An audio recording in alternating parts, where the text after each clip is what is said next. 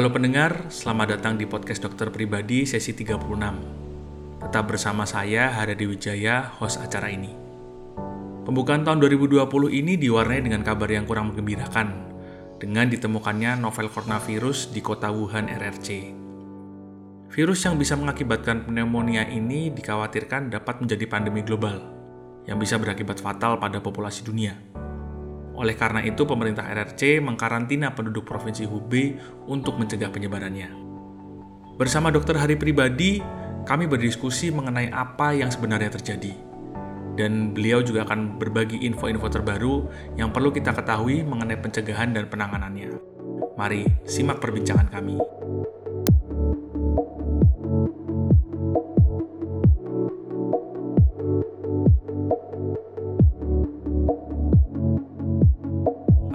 Halo dokter Hari, bagaimana kabar ini? Halo di tetap luar biasa. Tetap luar biasa ketemu lagi kita di podcast dokter pribadi nih, dokter Hari. Kita hari ini mau bahas apa nih, Di? Nah, gini nih dok, di apa ya kalau kalau saya boleh bilang kita memasuki tahun baru nih kita mendapatkan apa ya eh, kabar yang kurang mengembirakan ya sebagai warga dunia nih ada ada satu penyakit yang lagi heboh banget kalau saya boleh bilang Eh, soal coronavirus nih loh dok yang dari Wuhan China itu dok. Oh iya. Jadi yang pertama gini dok, coronavirus sendiri ini tuh sebenarnya apa sih? Hmm. Ya, jadi gini, ini coronavirus itu baru sekali ya keluar sampai sekarang itu curiganya nanti bakal jadi global pandemi itu. Pandemi Hmm, itu hmm. penyakit yang sampai ke seluruh dunia itu ngefek. Nah, itu tuh sampai-sampai dikatakan apakah ini the next SARS Ya, begitu. ya. SARS itu tahun 2002 itu sangat-sangat menyeramkan ya, bikin Mm. pandemi Mm. global yang nanti kita cerita di belakang. Tapi pertanggal hari ini, 26 Januari 2020 ini, sudah dari laporan WHO tuh udah ada 2014 kasus positif. Dan ini sudah meningkat kurang lebih dibandingkan kemarin, itu 694 kasus baru hari ini. Nah, ini data ini dilansir sama WHO. Nah, terus eh, jumlah yang tewas itu sudah naik sampai 56 pasien. Dan sudah ada 29 kasus di luar China. Dengan rincian tuh 4 kasus sekarang sudah mencapai di Australia, 4 di Singapura, 2 di Vietnam, 3 di Malaysia, 2 di Korea, 3 di Jepang, dan 1 di Nepal, dan 3 di Prancis, 5 di Thailand, 2 di USA. Jadi sudah mulai keluar dari China. Nah, Terus tadi pertanyaan-pertanyaan pertama tuh apa sih coronavirus itu? mm, Jadi eh, menurut data-data yang sekarang kan ini kan masih berkembang ya, mm. data-data masih di- dikumpulkan. Tapi sejarah yang kita tahu sampai saat ini yang dikumpulkan oleh WHO dan sumber CDC, CDC itu The Center of Disease Control dan yang sekarang ada di China ya. Yang mereka melansir tuh ternyata pertama kali ditemukannya itu 31 Desember. Jadi akhir tahun 2019 makanya namanya nCoV 2019 bukan 2020 Oh, Nah, oke. per tanggal 31 Desember tuh Komisi Kesehatan di Kota Wuhan itu melaporkan ada 27 kasus pneumonia. Tapi pneumonia itu jenis baru katanya. Pneumonia itu adalah suatu kita yang sebut kalau di kedokteran itu radang paru ya. Gejalanya tuh flu, sesak, dan demam.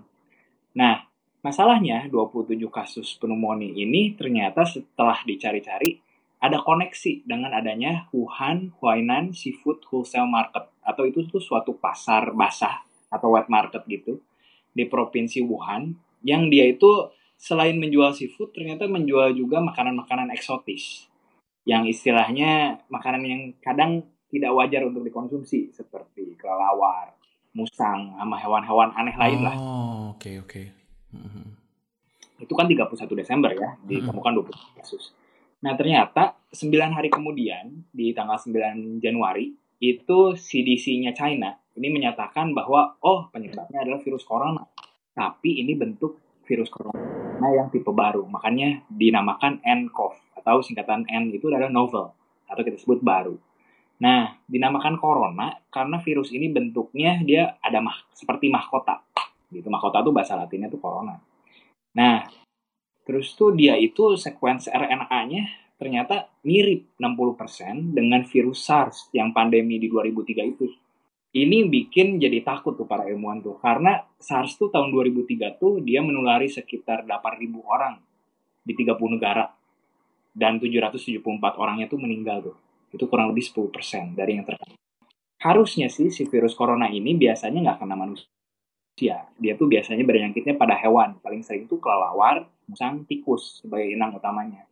Tapi pada kondisi-kondisi luar biasa dalam tanda kutip ya virus corona ini bisa sih terkena manusia. Dan ini kemungkinan karena kontak langsung dengan hewan itu seperti mungkin yang pas tadi di pasar itu kan suka membersihkan daging kelelawar gitu ya.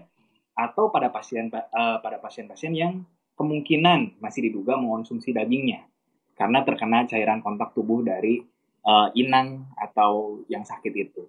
Terus kan beredar di di masyarakat tuh katanya gara-gara makan daging kelelawar ya. Iya.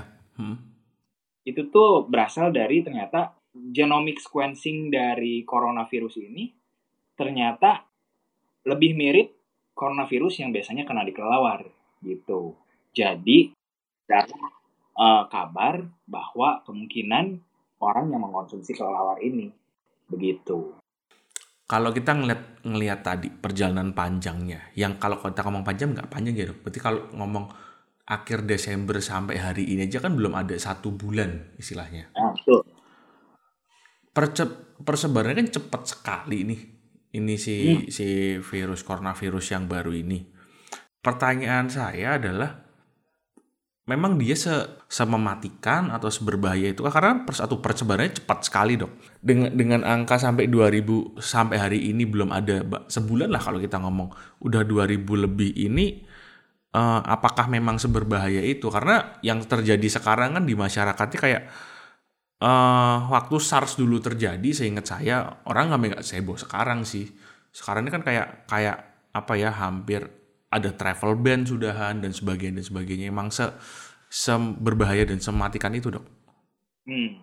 Jadi begini, uh, ini tuh kalau dilihat lagi dilanjutkan ya perjalanannya itu. Hmm ternyata dari pneumonia Wuhan ini setelah diteliti pertanggal 9 Januari itu uh, eh, CDC menyatakan bahwa virus ini ketika masuk menginfeksi orang itu dia butuh masa inkubasi kurang lebih dua minggu. Makanya masa inkubasi ini yang menjadi uh, screening awal atau uh, pemeriksaan awal bahwa kalau misalnya ada orang yang habis ada kontak dengan uh, pasar Wuhan atau berasal dari Wuhan dan dia menderita gejala pneumonia dalam dua minggu terakhir. Nah, ini dia jadi suspek dari nCoV ini. Nah, tapi sejauh ini kita melihat bahwa angka kematiannya masih cenderung masih rendah dibandingkan tadi kan kalau uh, SARS itu kurang lebih 10% ya dari hmm. 8 ribuan hmm. kurang lebih 800 yang meninggal. Nah, kalau sampai detik ini dari 2000 yang terinfeksi 56 orang yang meninggal itu cenderung masih rendah. Tetapi yang menjadi heboh itu adalah perjalanan si virus ini. Dia dari pertama ditemukan, virus itu bisa bermutasi. Dan Perhimpunan Dokter Paru Indonesia hari ini merilis suatu panduan klinis menyatakan bahwa virus dari corona yang ditemukan pertama kali, yang pertanggal 9 itu, dengan yang sekarang ini setelah bermutasi sampai disebut ini adalah mulai, mulai masuk ke generasi keempatnya dari virus coronavirus itu. Nah, jadi ini yang membuat uh, para masyarakat dan orang-orang itu jadi takut ya. Dan kalau dilihat dari datanya lagi, awal kematian itu uh, terkenanya kematian pertama itu pada tanggal 9 Januari 2020 hmm. Hmm. itu pada pasien usia 61 tahun. Nah, hmm. kemudian kematian keduanya itu tanggal 18 itu pasiennya juga usia tua 69 tahun. Kemudian kematian ketiga itu tanggal 19. Itu usianya juga tua sekitar 72 tahun dan itu karena gagal organ multiple jadi udah tua dan mereka punya penyakit penyerta. Yeah. Tapi mulai dari tanggal 19 sampai ke sini angka kematiannya eksponensial. Jadi semakin banyak yang meninggal mm -hmm. tuh. Nah, itu yang mengakibatkan pemerintah dari Cina itu berkaca terhadap yang SARS tahun 2003 itu, mereka harus melakukan karantina dan melockdown. Gitu. Ini yang bikin heboh dunia Oh, oke, oke, oke. Gitu. Okay. Jadi sampai saat ini ini adalah yang baru pertama kali suatu negara melockdown melockdown dan mengkarantain kurang lebih ada 18 juta orang yang ada di suatu provinsi sudah boleh ke mana-mana. Nah, itu yang sangat luar biasa gitu. Hmm, karena pemerintah. Jadi hebohnya ini sebenarnya karena karena pemerintah China sendiri mau lagi mau mengkonten ini karena virus ini yang bukan cuma persebarannya tapi kemampuannya dia bermutasi yang secepat itu istilahnya dok ya. Hmm, ya, jadi virus ini kan waktu awal tuh semua yang dari 27 kasus itu kan ada hubungannya gitu dengan pasar uh, basah itu. Hmm, hmm. Tetapi ternyata per tanggal 20 Januari itu Cina itu mengumumkan bahwa ada 15 tenaga medis yang merawat pasien tersebut positif hasil coronavirusnya. Dan mereka tidak ada kontak sama sekali dengan wet market tersebut. Berarti ini menunjukkan bahwa transmisi dari orang ke orang mulai terjadi. Oke, oke, oke. Sangat berbahaya yang langsung membuat pemerintah Cina memutuskan bahwa ini harus karantina. Mereka pun suatu pemerintah mengkarantina suatu kotanya atau sampai ke provinsi tahapnya, apalagi sampai 18 juta orang di situ, itu sangat merugikan kondisi ekonomi dan yang lain-lain. Iya, iya, iya. Ini dengan perayaan Imlek. Jadi transmisi ini yang berbahaya begitu. Hmm. Ya, apalagi sangat kemarin mendekati uh, peran Imlek di mana itu momen di mana mobilis mobilisasi manusia paling besar di Cina dalam satu tahun kan. Nah, karena karena berarti pemerintah Cina mengerti tingkat keparahannya, mereka pengen konten ini makanya dikarantina tuh satu satu Wuhan itu ceritanya. Berarti istilahnya bisa kita simpulkan coronavirus ini memang memang sudah bisa ditransmisikan dari manusia ke manusia kan? Itu yang yeah. yang kita perlu jawab juga. Kemudian pertanyaannya gini dok, sebenarnya nih, oke okay, kita kita udah tahu bahwa ini ini virus berbahaya, ini virus istilahnya persebarannya cepat, uh, juga bisa ditransmisi dari manusia ke manusia. Pertanyaannya hmm. adalah virus ini apa sih yang terjadi ketika virus ini masuk ke tubuh kita dan efek ke tubuh kita sampai ya kalau kita ngomong walaupun angka kematiannya belum secara persentase belum tinggi tapi sudah ada kenyataan bahwa orang yang meninggal karena karena masalah yang disebabkan oleh virus coronavirus ini. Oke, jadi coronavirus itu biasanya kalau terjangkit pada manusia, dia terkenanya di dua, sistem pencernaan dan sistem pernafasan. Yang lebih berbahaya kalau terkena sistem pernafasan. Nah, sistem pernafasan ini dia akan membuat paru-paru kita itu terjadi respon radang sampai mengakibatkan yang tadi batuk, demam, dan sesak. Nah, hmm. kalau dilihat sampai gambaran ronsennya itu sampai ada tanda-tanda infiltrat bilateral, kita sebut paru-parunya nanti jadi putih. Hmm. Itu sama seperti tahun 2003 SARS itu kan disebutnya severe acute respiratory syndrome. Hmm. Nah, severe acute respiratory syndrome atau SARS itu waktu itu sangat berbahaya karena ketika orang mulai terkena SARS dari munculnya gejala batuk pilek demam itu, dalam tiga hari itu paru-parunya udah putih semua, kena infeksi semua, sampai-sampai kurang dari satu minggu biasanya pasiennya sudah meninggal. Nah, hmm. ini pun mirip seperti itu, cuman tidak secepat SARS sampai saat ini ya. Hmm, Begitu.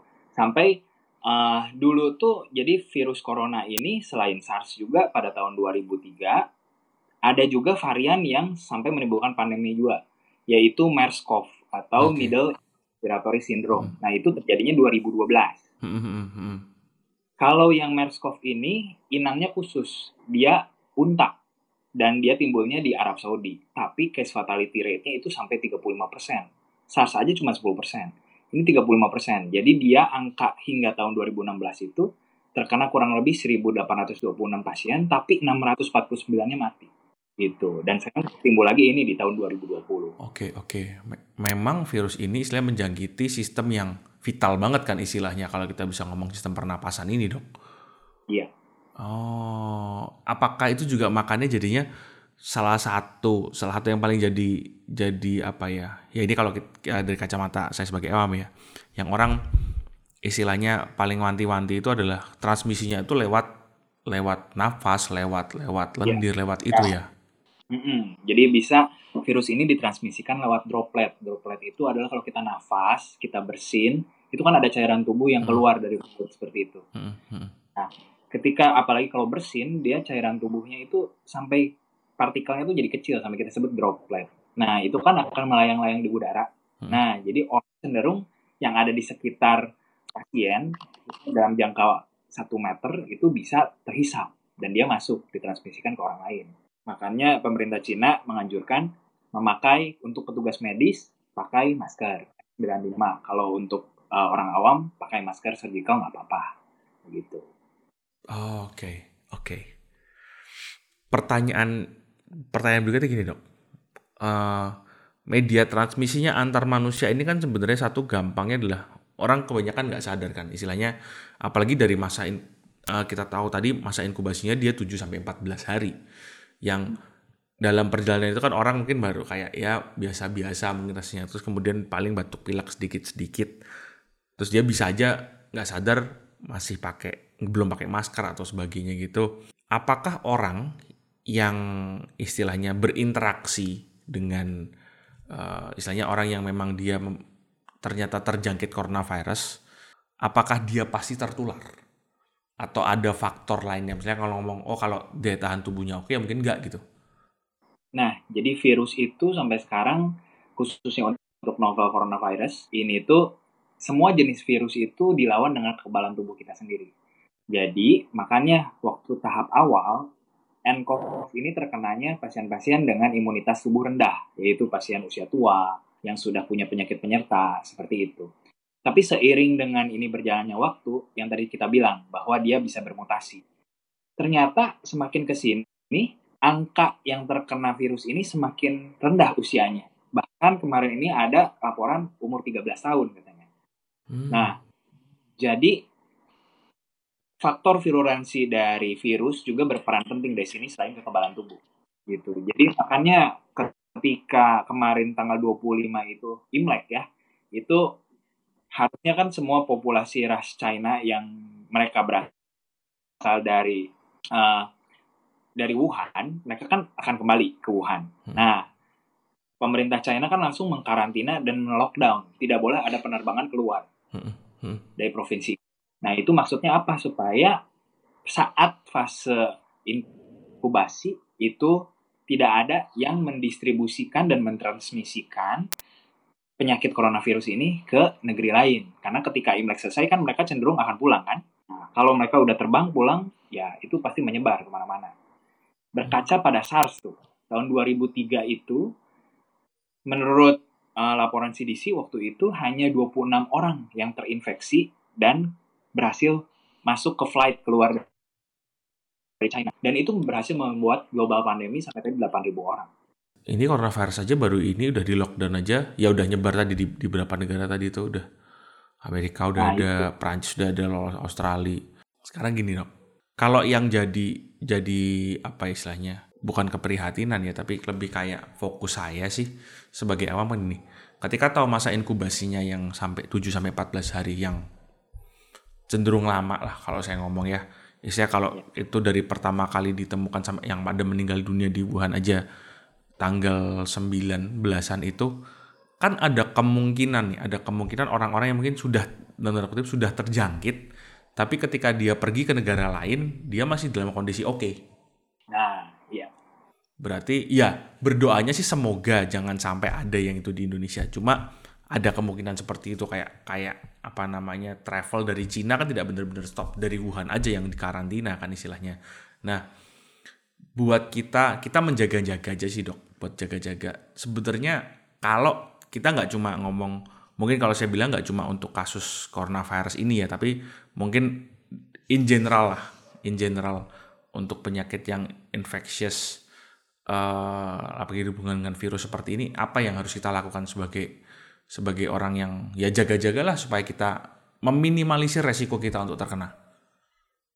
Jadi uh, ya tadi adalah pertanyaan bagus ya. Jadi ketika dia masa inkubasi, kalau masuk ke negara lain bagaimana kan? Hmm, hmm. Nah jadi kalau garda depan dari uh, flight kita itu di bandara-bandara kan pemerintah melakukan thermal detector, hmm. yaitu dia ketika suhunya naik 38 derajat dia akan berbunyi yeah. melalui karet.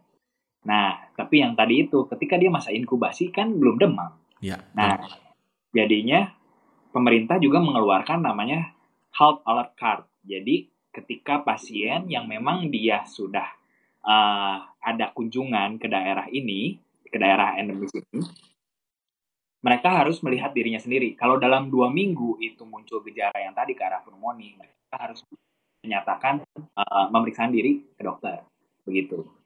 Nah, kedua uh, dari media massa juga kan sekarang semua menyebarkan bahwa ketika uh, nCoV ini berbahaya, semua orang harus waspada untuk mengurangi kecenderungan orang lain terkena efeknya.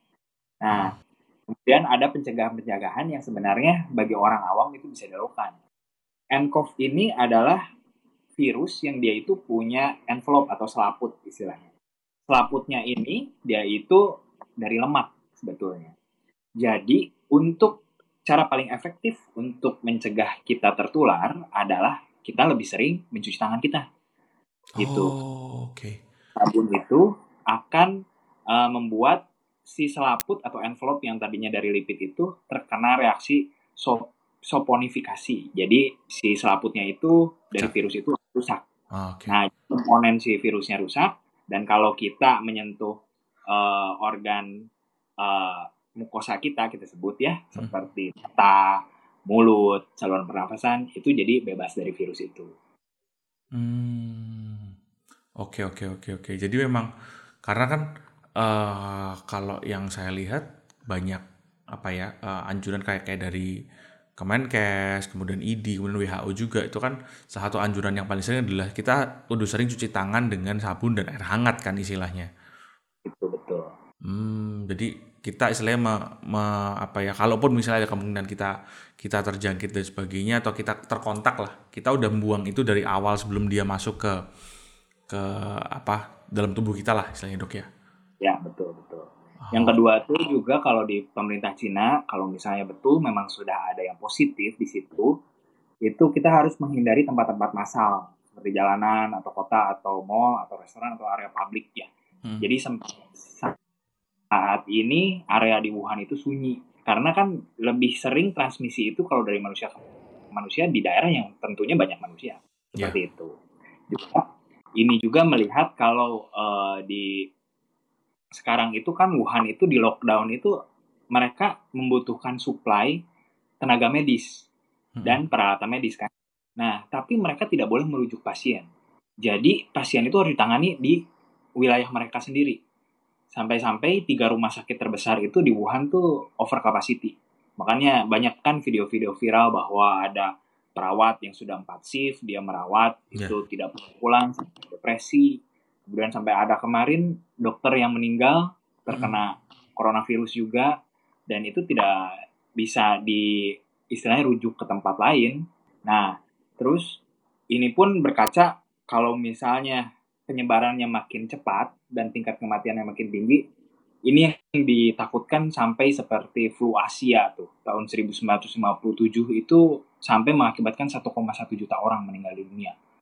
Nah, terus flu Hong Kong 1968 itu 1 juta orang meninggal di seluruh dunia. Jadi meskipun nCoV ini baru 56 orang istilahnya yang meninggal ini tidak boleh dianggap enteng. Bahkan ada yang video bahwa pemerintah Wuhan sedang membuat suatu rumah sakit dengan seribu yeah. kamar isolasi. Yeah, yeah. Nah, itu kan luar biasa sekali. Mereka tuh menargetkan bikin suatu rumah sakit dalam jangka waktu satu minggu. Loh. Kemudian gini dok, uh, kalau kalau kita ngelihat dengan uh, nCoV ini atau coronavirus nCoV 2019 ini adalah satu jenis virus yang baru kan sebenarnya. Ada obatnya nggak? Pertanyaan saya itu. Sampai sejauh sekarang belum ada obatnya. Jadi pengobatan yang dilakukan di rumah sakit itu hanya simptomatik, meredakan gejala dan suportif supaya kita kekebalan tubuhnya naik. Ini oh. berbeda SARS. Kalau SARS itu waktu dulu sampai ditemukan antivirusnya. Tapi penemuan antivirus itu memang sedang dikerjakan. Tapi untuk SARS sendiri saja waktu itu oseltamivir obatnya itu membutuhkan waktu sampai kurang lebih tiga minggu. Begitu. Jadi pengerjaan obat dan vaksin untuk nCoV ini sedang dikerjakan. Sampai-sampai uh, Bill Gates Foundation itu juga sekarang sedang memberikan sokongan dana yang luar biasa untuk penelitian membuat antivirus ini. Antivirus itu uh, paling cepat itu waktu SARS ditemukannya. Sedangkan vaksin itu biasanya butuh waktu sekitar tiga bulan. Hmm. Tapi uh, kalau sampai per hari ini dok, ada nggak kasus yang orang itu uh, terjangkit nCoV 2019 ini coronavirus ini kemudian dengan penanganan medis kemudian istilahnya oke okay, dia dinyatakan dia clean. Ah, ini baru ada laporan satu itu saya lihat juga di uh, di media masih media sosial tapi bukan dari sumber yang sudah dilansir oleh WHO. Hmm. Ada satu orang di China yang dinyatakan sembuh. Itu hmm. pasien usia muda 38 tahun. Tapi kita masih belum bisa menyatakan bahwa ini betul clean gitu karena WHO sendiri belum melansir uh, laporan sesungguhnya. Hmm, berarti sebenarnya kita memang masih kudu waspada karena sampai per hari ini pengobatan yang diberikan itu adalah lebih ke arah suportif supaya istilahnya pasien ini kondisi tubuhnya tidak terus turun, disupport supaya antibodinya ini yang akhirnya bisa melawan coronavirus ini sendiri ya dok ya. Kalau dari kemarin ini kan ya sampai per hari sini kita fokusnya kan banyaknya ngomongin di China, di China, di China. Kemudian uh, udah nyebar ke beberapa negara tetangga kan. Ta uh, Malaysia udah ada, Thailand udah ada, Vietnam udah ada, Australia juga sudah mendeklar ada empat kasus, Singapura bahkan. Kalau di Indonesia sendiri gimana dok? Sudah ada uh, yang ditemukan penderita positif atau gimana? Karena kan seperti kita tahu kemarin ketika ini belum boomnya kayak flat dan sebagainya Cina dari dan ke Cina itu dari Indonesia kan banyak sekali dok. Nah, ya jadi sampai sekarang itu untungnya laporan resmi untuk kasus positif Indonesia itu masih zero atau nol. Nah, sebetulnya untuk mempositifkan suatu diagnosa nCoV ini itu hanya bisa dilakukan di uh, Litbangkes kalau di Indonesia. Mereka yang punya alat pendeteksinya, yaitu sampelnya jadi dari seluruh uh, wilayah yang dicurigai ada kasus curiga coronavirus itu mengirimkan ke Litbangkes. Lalu mereka melakukan metode RT-PCR itu salah satu pengujian sampel dan kalau dari mereka dikatakan negatif baru itu negatif dan mereka jadi bukan seperti uh, dari tiap rumah sakit itu tidak bisa menentukan bahwa ini tuh kasusnya positif atau negatif. Jadi harus menunggu hasil dari Litbangkes itu. Nah, per hari ini 26 Januari itu cuman ada pasien-pasien yang diisolasi karena mereka ada tadi kriteria dengan gejala pneumonia dan ada kontak kurang dari dua minggu. Itu yang uh, saya tahu isolasi itu satu pasien di Manado, kemarin satu pasien di Jakarta, tapi sudah keluar hasil RT-PCR-nya negatif, jadi mereka uh, sudah dilepaskan dari isolasi. Kemudian kemarin disebut ada dua pasien di Bandung, tapi satu yang diisolasi, satu di Sorong, terus kemarin ada juga yang di Sumatera dan satu di Surabaya. Baru itu sih. Dan mereka baru diisolasi karena suspek. Jadi belum positif. Oh sampai per 26 Januari ini masih masih uh, suspek lah. Masih di baru dicurigai lah. Oke okay, oke. Okay. ya semoga aja sih negatif semua ya dok ya. Jangan sampai itu ya kalau sampai per hari ini juga saya uh, apa namanya kalau dari kayak Kementerian Kesehatan atau Ikatan Dokter Indonesia uh, ada itu nggak ya kayak tra travel warning atau semacamnya untuk dari dan ke Cina kayaknya dok? Uh, per hari ini sudah mulai ada travel warning diperingatkan bahwa sebaiknya tidak ada kunjungan. Tapi, nah untuk penerbangan ke provinsi Hubei ini juga sudah dilaporkan sudah ditutup semua. Jadi yang masih bisa adalah terbang ke China ke daerah lain. Hmm, tapi memang tidak disarankan lah ya dengan kondisi yang seperti ini ya. Iya karena saya juga tadi barusan aja siang uh, apa namanya lihat di BBC siaran Indonesia ngomong pemerintah Cina memperpanjang libur libur Imlek. Iya, sampai, sampai dua minggu. sampai dua minggu karena istilahnya ah mumpung libur bisa dikonten ini ya kan. Tapi istilahnya gini um, di media ini kan informasi yang berkembang jujur kalau saya ngomong liar banget dok liar iya, banget. Maksudnya uh, di Indonesia kayak nggak ada nggak ada nggak ada filter. Kayak kita bisa lihat kayak video itu yang orang di Wuhan di jalan-jalan bisa jatuh dan sebagainya.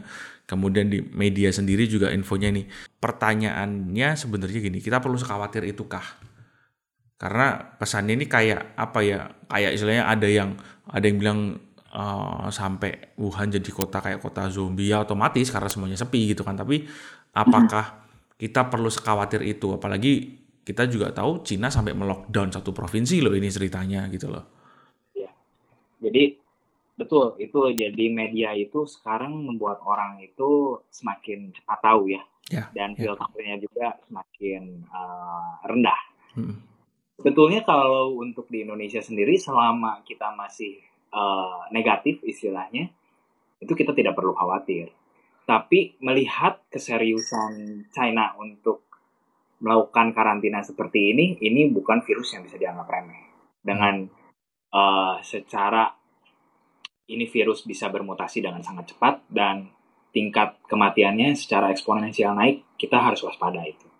Dan kedua, banyak teori konspirasi ya sekarang yang mulai timbul di media-media sosial. Hmm. Bahkan saya tadi baca itu ada yang memposting bahwa corona kan C O R O N A ya. Nah, hmm. itu katanya merupakan anagram dari rakun.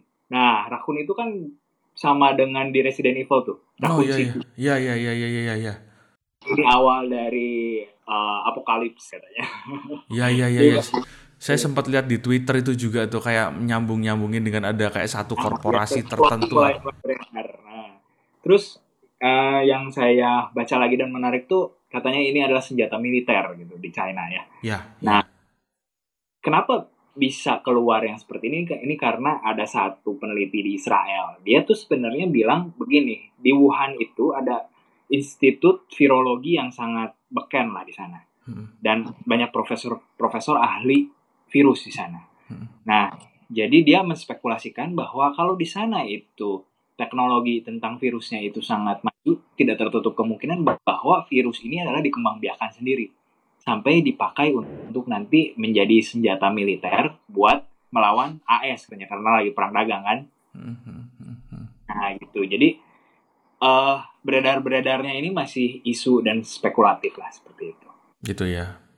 Yang memang perlu kita kita memang apa sebenarnya lihat adalah tadi dengan kemampuan persebaran yang cepat itu kemudian efeknya ke sistemnya yang diserang sistem organ vital kita sistem pernafasan itu yang kita harus lebih concern. Dan yang menarik kalau boleh jujur ngomong sih dok dari perbincangan dari tadi di satu sisi sebenarnya ada info-info yang bikin saya lebih nervous karena oh ternyata persebaran persebarannya cepat itu gitu kan.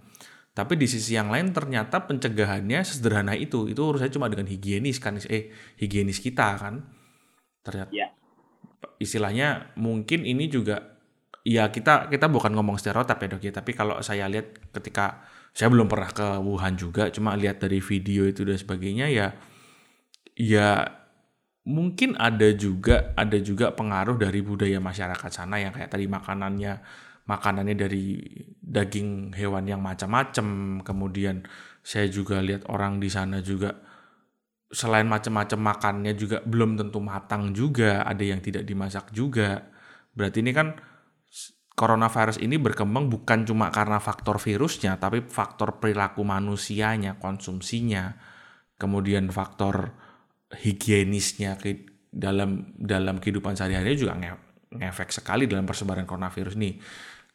Nah, kok istilahnya yang apa ya kalau kita ngomong kejadian ternyata di China. Karena kalau kita ngomong kayak kayak kemarin waktu SARS itu kan juga berkembangnya dari dari sana juga kan ya, Dok ya. Ya betul, itu dari Rakun juga waktu itu. Nah, waktu itu dari Rakun itu, kalau si SARS itu, dan itu di provinsi Kuantung. Ya berarti intinya kita memang harus tetap waspada, tapi di sisi yang lain ya, ya sebenarnya intinya uh, jaga itu sih, jaga itu juga ya dok ya, jaga jaga kebersihan, jaga kebersihan itu yang paling penting.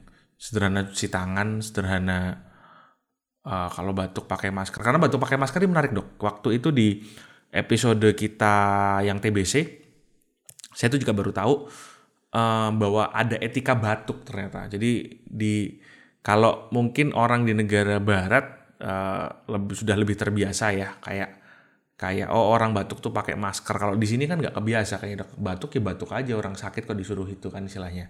Asal itu ya batuknya ya. Iya, asal, asal oh, oh, oh saya justru orang yang orang yang sehat disuruh ngerti orang yang batuk ya bener sih bukannya kita nggak ngerti cuma ternyata istilahnya uh, mungkin coronavirus juga membukakan bahwa sebenarnya ketika kita punya masalah di sistem pernafasan kita, istilahnya kita ini punya potensi untuk menyebarkan penyakit yang ada di dalam tubuh kita gitu loh. Bahkan uh, kan kemarin juga ada mungkin media sosial bahwa ada pasien yang saking depresinya dia itu merobek masker petugas kesehatan lalu dia meludahi petugas kesehatan. Nah itu kan uh, apa netizen julid itu marah-marah ya.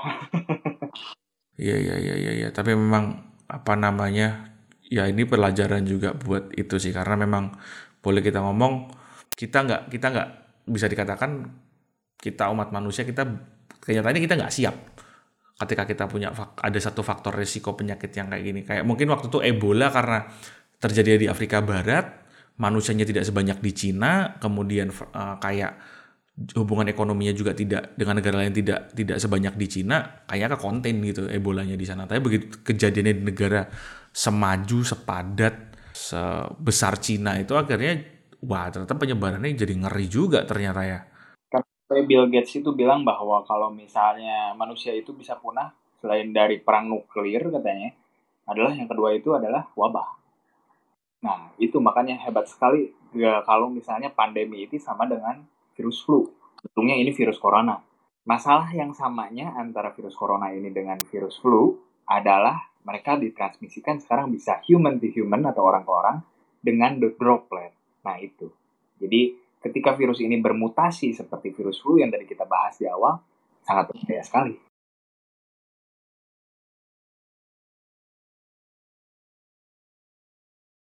Apalagi kita di, ya kalau boleh kita bilang, uh, Indonesia ini kan kalau dibilang negara maju ya belum, kita perlu lagi concern soal penanganan kesehatan, terutama paling enggak yang paling jelas di uh, cara hidup yang lebih higienis lah dok yang perlu kita sosialisasikan mungkin.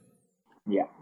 Ya semoga apa namanya pendengar podcast dokter pribadi ini lewat sesi emergensi diskusi emergensi ini kita jadi satu sih supaya saya harapan harapan harapan saya pribadi sih supaya pendengar kita lebih ngerti sebenarnya apa yang terjadi lewat coronavirus ini uh, dari kejadian coronavirus ini dan ya ternyata dengan pencegahan yang ya saya ngomong nggak susah Cuma kita perlu lebih hati-hati aja, perlu lebih memperhatikan kebersihan, kebersihan diri, kebersihan uh, lingkungan kita juga seharusnya seharusnya kita bisa terjaga terhindar dari coronavirus ini ya dok ya. Iya amin. Kan gak enak juga ya kalau misalnya kita hidup di suatu kota terus udah gitu di lockdown ya nggak boleh ke mana-mana dan pasti panik tuh semua supermarket itu habis, makan habis diisolasi semua. Wah kebayangkan sedihnya. Makanya mahasiswa-mahasiswa yang di sana minta dijemput juga sekarang masih belum bisa dijemput. Iya. Ya kita harus saling mengingatkan lah lingkungan kita, saling menjaga supaya apa namanya eh, penyakit-penyakit seperti ini tidak tidak semakin menyebar kita benar-benar bisa mengatasinya gitu. Oke, mungkin gitu Dokter Hari, terima kasih buat short notice-nya ini kita bisa ngobrol-ngobrol. Terima kasih di untuk Anda yang ingin bertanya lebih lanjut mengenai topik sesi kali ini atau mengobrol dengan tim dokter di podcast dokter pribadi atau bahkan ingin menyampaikan saran mengenai topik-topik yang ingin dibahas di sesi-sesi selanjutnya, sapa kami di Instagram karena sekarang podcast dokter pribadi punya akun Instagram di @dokter.pribadi.official. Sekali lagi akun Instagram kami ada di @dokter.pribadi.official.